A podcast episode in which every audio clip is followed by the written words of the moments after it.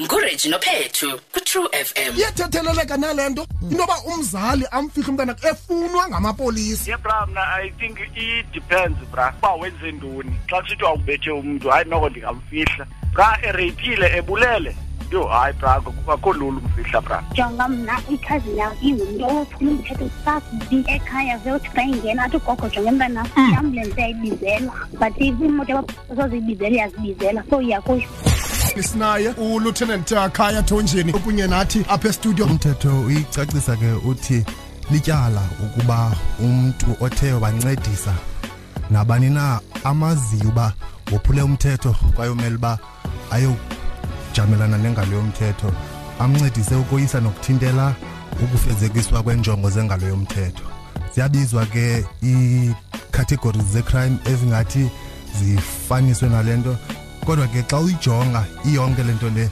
zinako nokuoverlapha umzekelo sithetha nje thina simple ngento yokuthi umntu osebe, osebenzisene nosaphula imithetho koyisa nokuthintela but mm. sifuna ukongeza neento ezifana ke neento ezifana nokufunga ngenkohliso mm -hmm. ubuqhophololo ukuzama ukuxutha imali ngamaqhinga lento kuthiwa yi-extortion nokuthintela but ke enye endinokuyibalula yile kuthiwa ke kukuncedisana nomntu waphula umthetho ukuba angabanjwa esazi ukuba wonile kwaye uyafuna ngumthetho ziyacategorizwa ke zinjalo but eyona nto ndifuna ukuyithetha ukuthi lityala kodwa ngokomthetho olawulayo emzantsi afrika mm. bekwa kucategory or uschedule 7 uschedule 7 zii-offenses ezingekho heavy so umntu othe wenza oko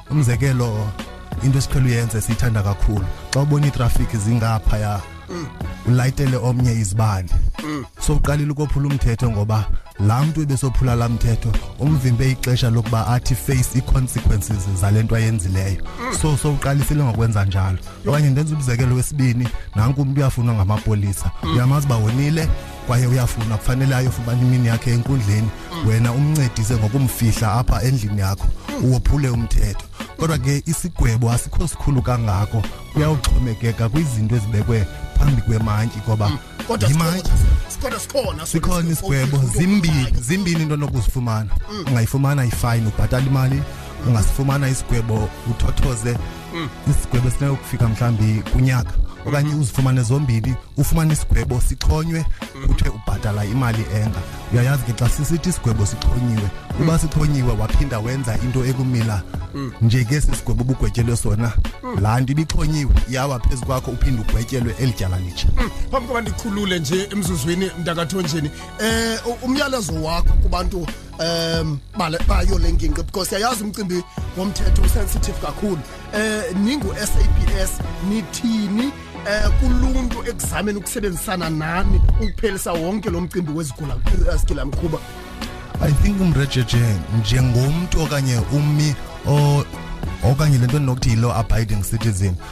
awumelanga into yokuba usebenzisane gwenxa nomthetho ngokuthi ufihle izaphulamthetho kodwa bekumele nje ngomntu okufunayo okulungileyo nomele icala lobulungisa wenze nakanjani naye into yoba lowo umazi ukuthi wonile ayofumana ixesha lakhe enkundleni ngoba isigwebo siyawudithamayinwa ligqwetha lakhe umtshutshisi kunye nomantyi mhlawumbi ucinga uba sikhulu kanti sisigwebo mhlawumbi umntu angakwazi ukusimela so ibalulekile xa sithetha ngobulungisa umntu afumane itshansi ukwenzela into yokuba azithethelele limthethelele ligqwetha lakhe nemantyi ibike isigwebo esilingene isiphoso eso asenzileyo mhm. so ngobalekisa lo mntu you make matters worse you make matters worse because xa siyicacisa le nto mm. besithetha ngayo kuthiwa being an accessory after the fact to another walinga nje wancedisa uphethu usazi ukuthi umoshile ngokumfihla nawe sowonile alright nkosi kakhulu um lieutenant khaya thonjeni usuka kwa-saps uyavawo ndela ndothuka loo nto loo nto iva ndiyakhuza yes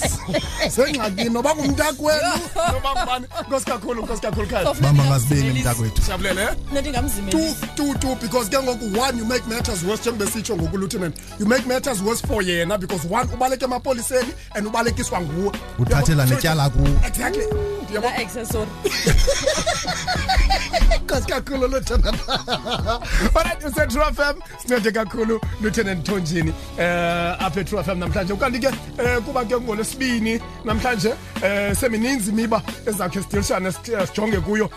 uh, emva kwentsimbi uh, yesihlanu ondelambana ulapha nendawo uyazi yakothusa ndawo wakwafihla umntu wakoweni hayi hayi kodwa oshi kuba ke sekusheke lo mzuzu before indaba le nto bendiyithetha ngoku ibalulekile into yoba ndiyayazi abazali bayenziwa yinimba le nto yes kodwa umthetho mm. awudlali umthetho awunanimba mm.